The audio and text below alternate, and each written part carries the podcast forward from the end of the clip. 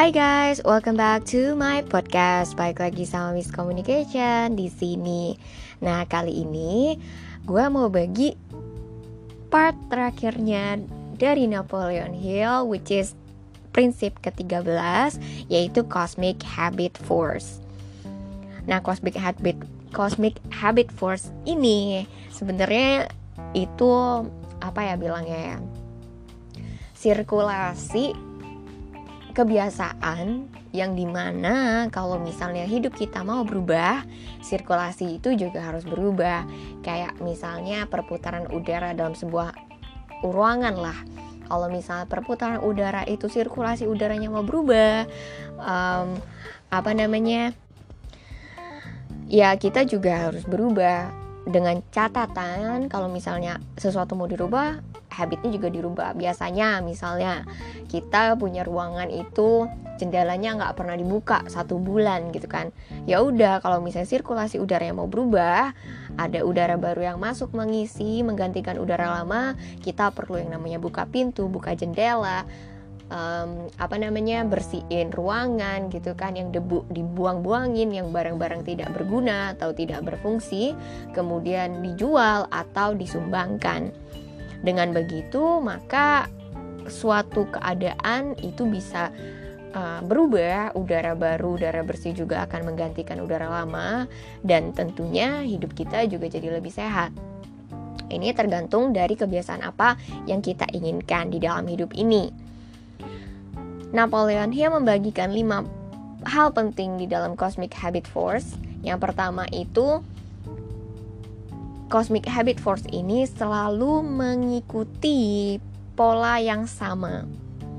Jadi manusia itu bisa mengubah hidupnya, mengubah pilihannya dengan mematahkan kebiasaannya yang membangun uh, pilihannya itu tadi. Kalau misalnya pilihannya dia mau hidup rajin, ya kebiasaannya apa? Kalau misalnya biasa makan yang gak teratur dibuat dengan makan teratur biar lebih sehat.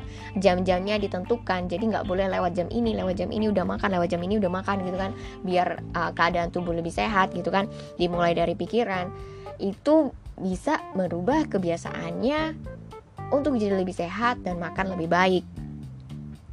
Gitu. Yang kedua it fixes the pattern of every form. Ini bisa meng, apa ya menetapkan pola dari segala bentuk. Selama polanya itu terbentuk, polanya itu sesuai, ya mau membentuk apa pun itu pasti terbentuk secara tetap gitu kan, nggak berubah-ubah. Selama polanya juga dikerjakan dengan waktu dan kebiasaan yang sama. Kalau misalnya kebiasaannya cuma sebentar habis itu hilang terus timbul lagi terus hilang gitu kan, ya sama aja bohong itu berarti masih belum tetap habitnya atau kebiasaannya.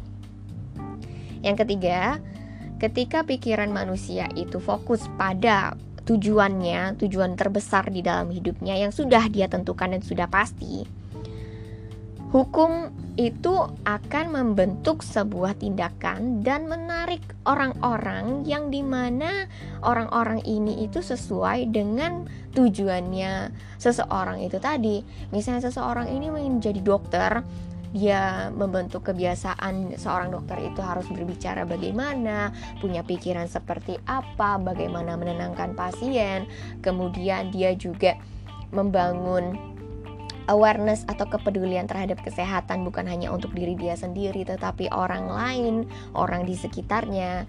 Maka orang-orang yang aware dengan kesehatan, orang-orang yang peduli terhadap kesehatan, orang-orang yang bahkan kemungkinan profesinya juga dokter senior-senior juga akan mulai me, apa ya bilangnya memasuki dunianya seseorang ini tadi yang ingin jadi seorang dokter gitu dari pikirannya yang di mana pikirannya adalah ingin menjadi seorang dokter yang memberikan manfaat bagi banyak orang untuk peduli terhadap kesehatan maka orang-orang yang peduli dengan kesehatan pun akan mulai mengisi hidup orang tersebut yang keempat Cosmic habit force expressing itself through the emotions of sex is the means by which every living thing perpetuates its passions.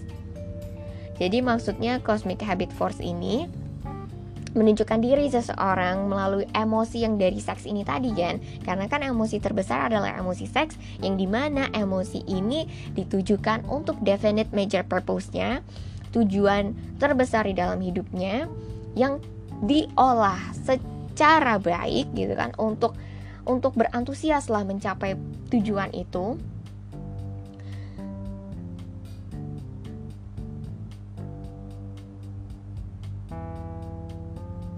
dan ini itu yang mengabadikan semua spesies di dalam hidup ini gitu loh yang namanya emotion of sex itu lebih baik untuk mengerti mengapa sebuah tujuan atau goal yang diekspresikan di dalam sebuah kekreatifan dari emosi seks itu tadi sangat cepat di dalam cosmic habit force.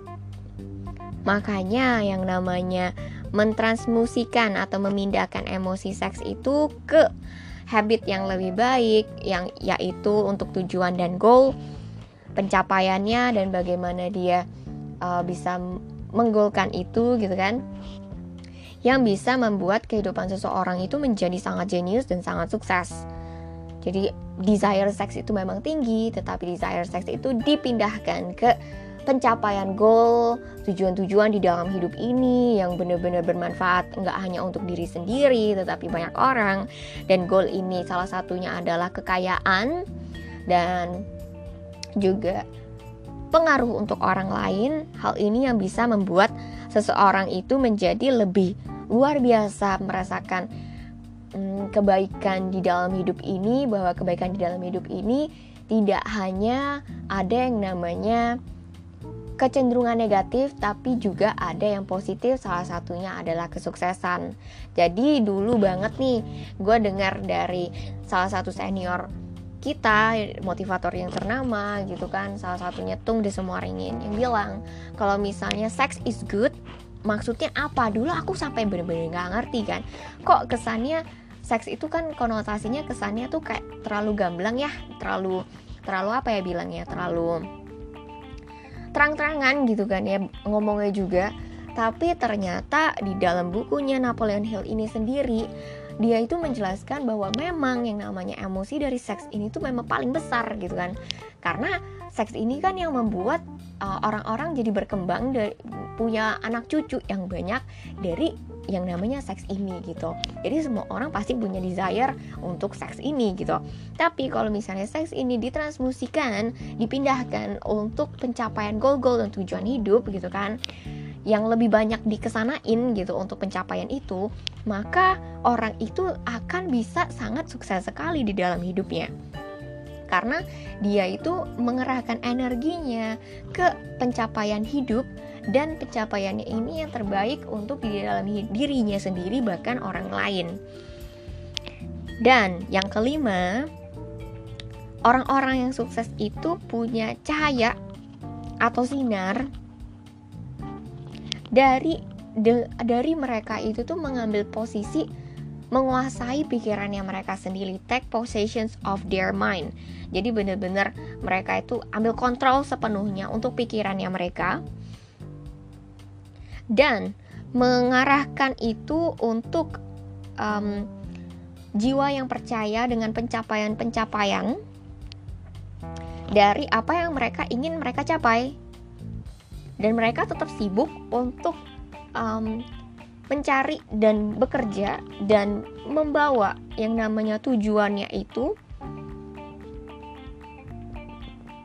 kepada pencapaian-pencapaian yang tadi yang benar-benar ingin dicapai. Dan dia fokus sama hasilnya itu dibandingkan dia fokus dengan apa yang dia tidak mau di dalam hidup ini terjadi sama hidupnya dia.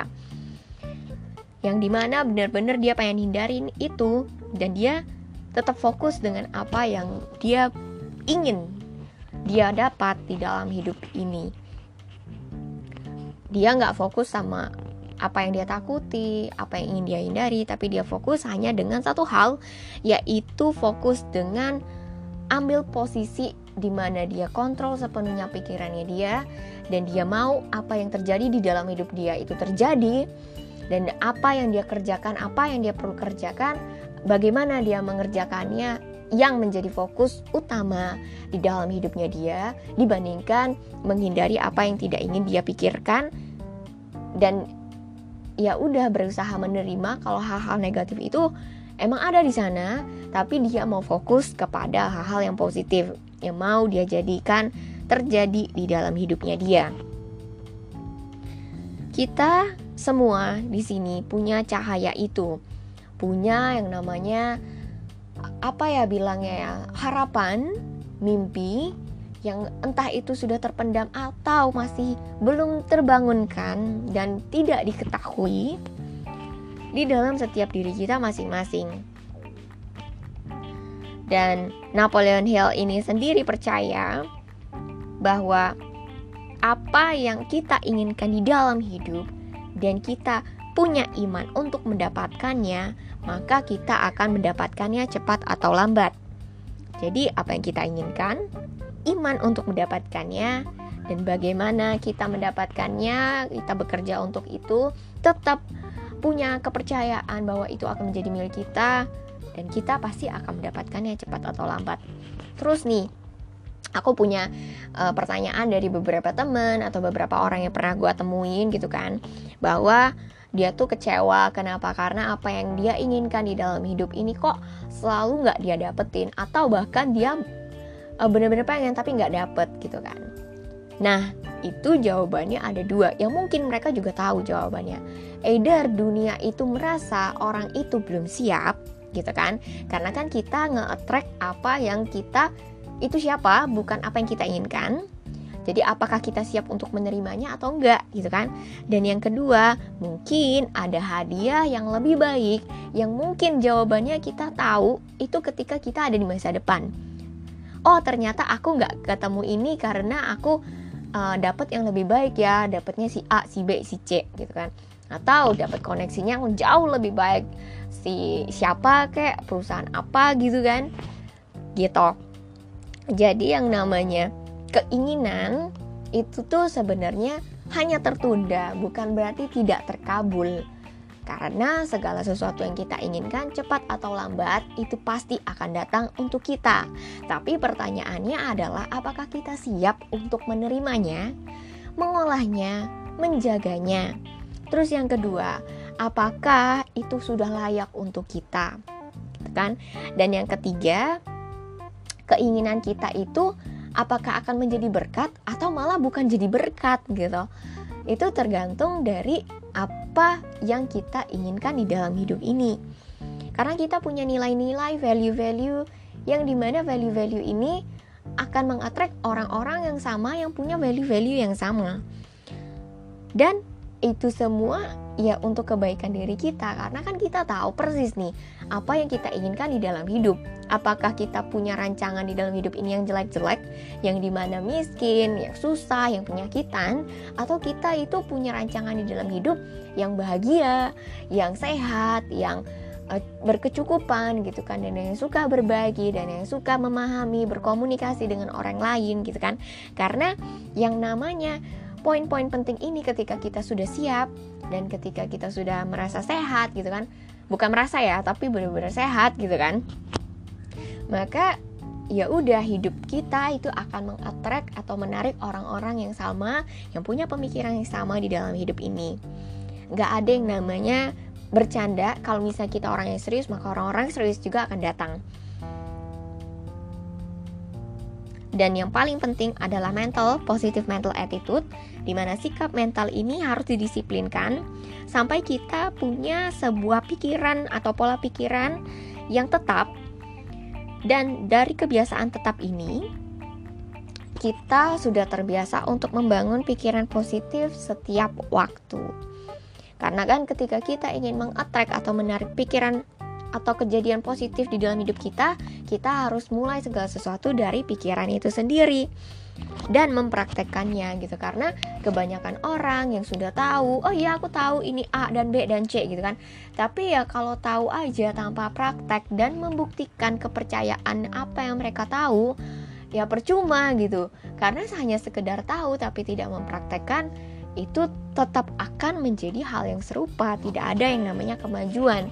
Karena orang yang punya kemajuan, keinginan untuk maju, maka orang itu juga yang bisa menciptakan perubahan di dalam hidupnya. Tapi kalau hanya mengeluh aja, terus juga nggak bersyukur, bahkan ya, kalau misalnya mau jujur-jujuran dari kecil sampai besar, pasti ada yang namanya keinginan kita yang sudah tercapai. Tapi yang lebih banyak ditonjolkan itu adalah apa yang tidak kita capai kan dibanding apa yang kita capai. Dan hal inilah yang membuat kita membawa kita tuh lebih banyak ke arah kegagalan kegagalan yang terjadi di dalam hidupnya kita. Tapi beda cerita kalau misalnya kita punya value-nya sama, ke attract-nya sama dan kita punya pikiran optimis bahwa talentnya kita di sana sama, maka ya itu juga yang menjadi keberhasilannya kita. Kita itu bagaikan magnet, ini mana magnet ini yang akan menarik orang-orang yang punya pemikiran serupa di dalam hidupnya kita. Apa pun itu, keadaan apa pun itu yang membuat diri kita siapa diri kita dan di mana kita berada dimulai dari pemikirannya kita. Apakah pikirannya kita positif atau pikirannya kita negatif? Dan balik lagi ya, semuanya itu bergantung pada kehidupannya kita, latar belakangnya kita, luka-lukanya kita, dan kita mau berubah dari semua latar belakang itu untuk mempunyai atau menjadi hidup menjadikan hidup lebih baik dan kita juga jadi orang yang lebih baik. Maka yang namanya kekayaan, kebahagiaan, kesuksesan itu juga pasti akan datang selama kita tahu bagaimana mengontrol pikirannya kita, kebiasaannya kita dan bagaimana kita berbicara untuk membuat manfaat bagi kehidupannya orang lain karena apa yang kita percaya akan terjadi, maka itu juga akan terjadi di dalam hidup kita. Apa yang kita bagikan, maka itu juga yang akan didapatkan oleh diri kita. Selalu ingat, seperti kata Florence Covetion, bahwa yang namanya permainan hidup ini adalah sebuah permainan bumerang di mana apa yang kita lemparkan itu juga yang akan kita dapatkan kembali. Apa yang kita tabur itu juga yang akan kita tuai. Jangan samakan dengan hukum uh, cause and effect gitu.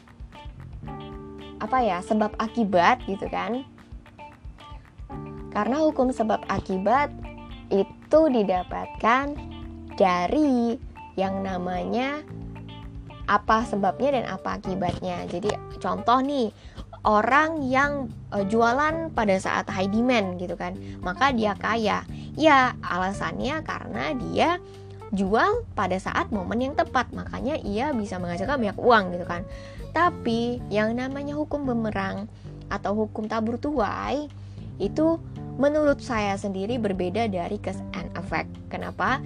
Karena apa yang kita tabur itu tuh sebenarnya seperti apa ya bilangnya ya?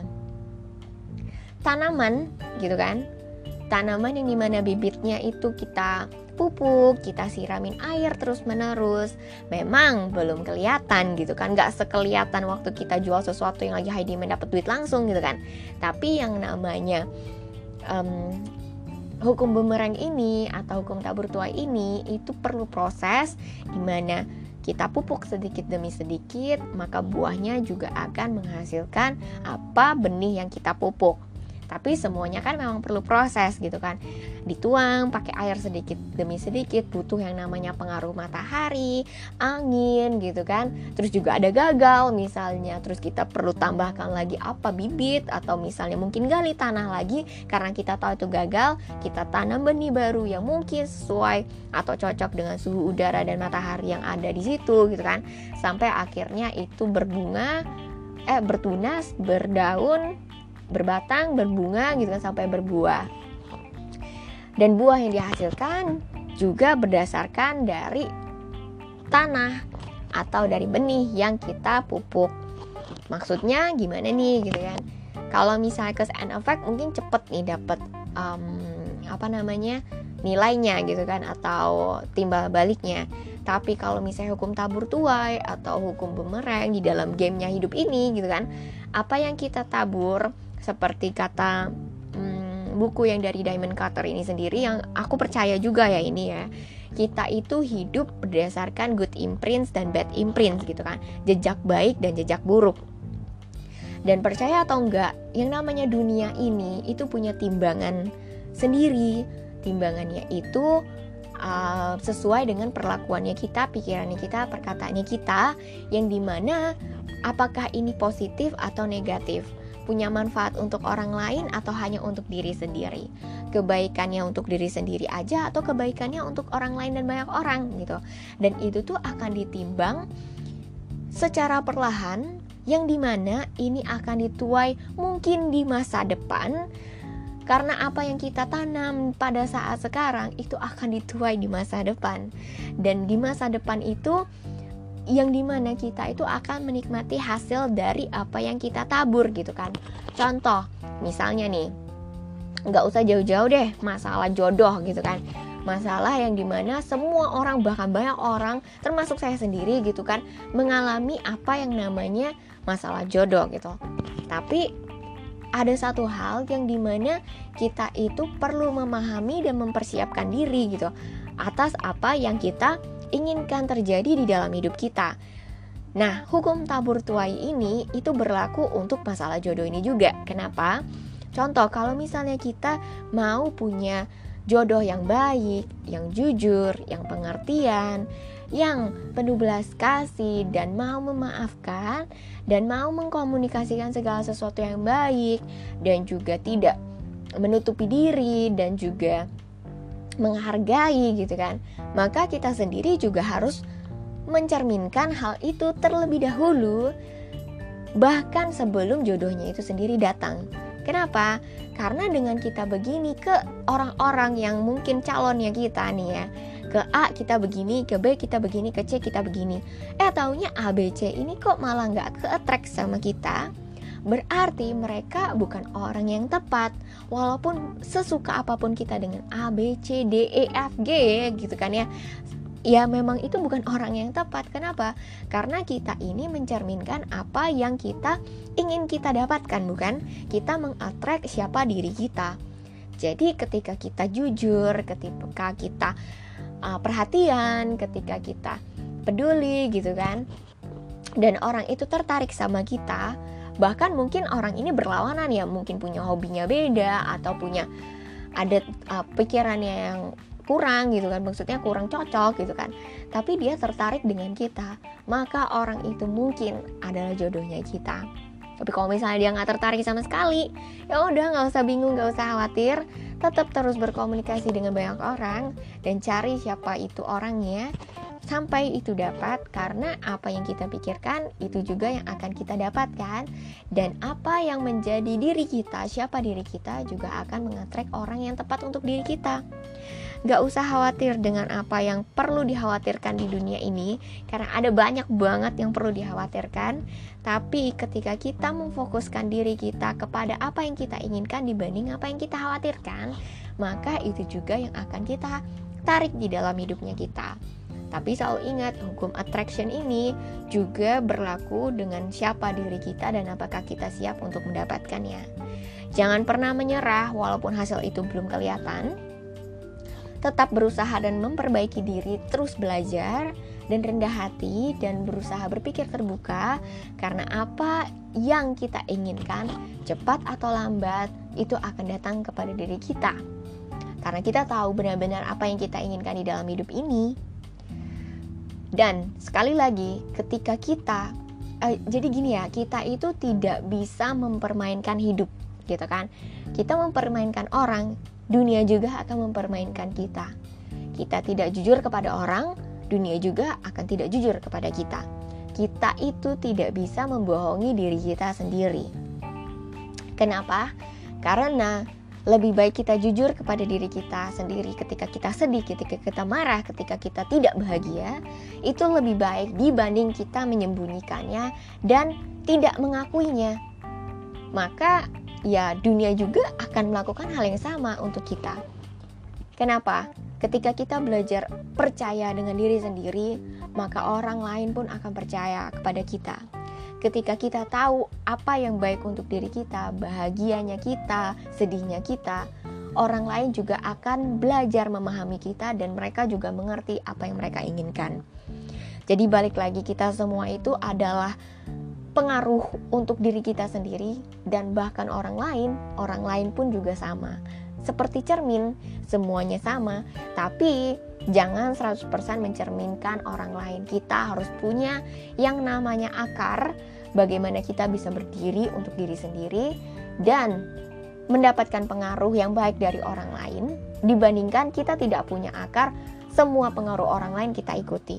Itu sangat-sangat sangat tidak disarankan. Kenapa? Karena kita itu perlu punya akar agar kita bisa berdiri di atas kaki kita sendiri.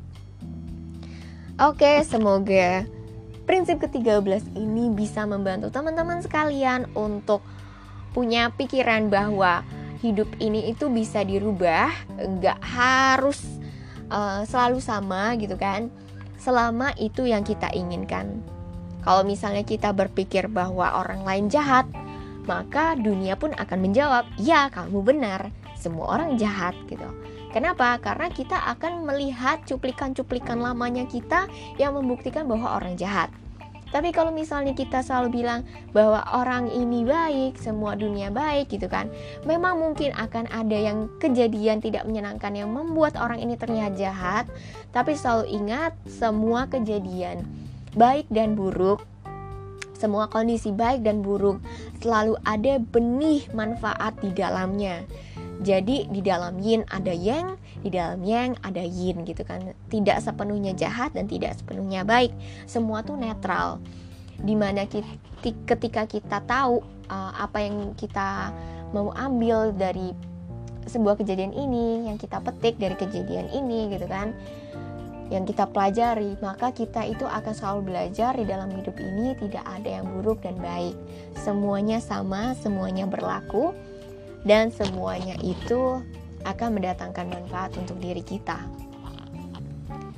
Apa yang kita tabur, kita tuai, dan apa yang kita inginkan akan kita dapatkan cepat atau lambat selama kita layak dan siap untuk menerima itu.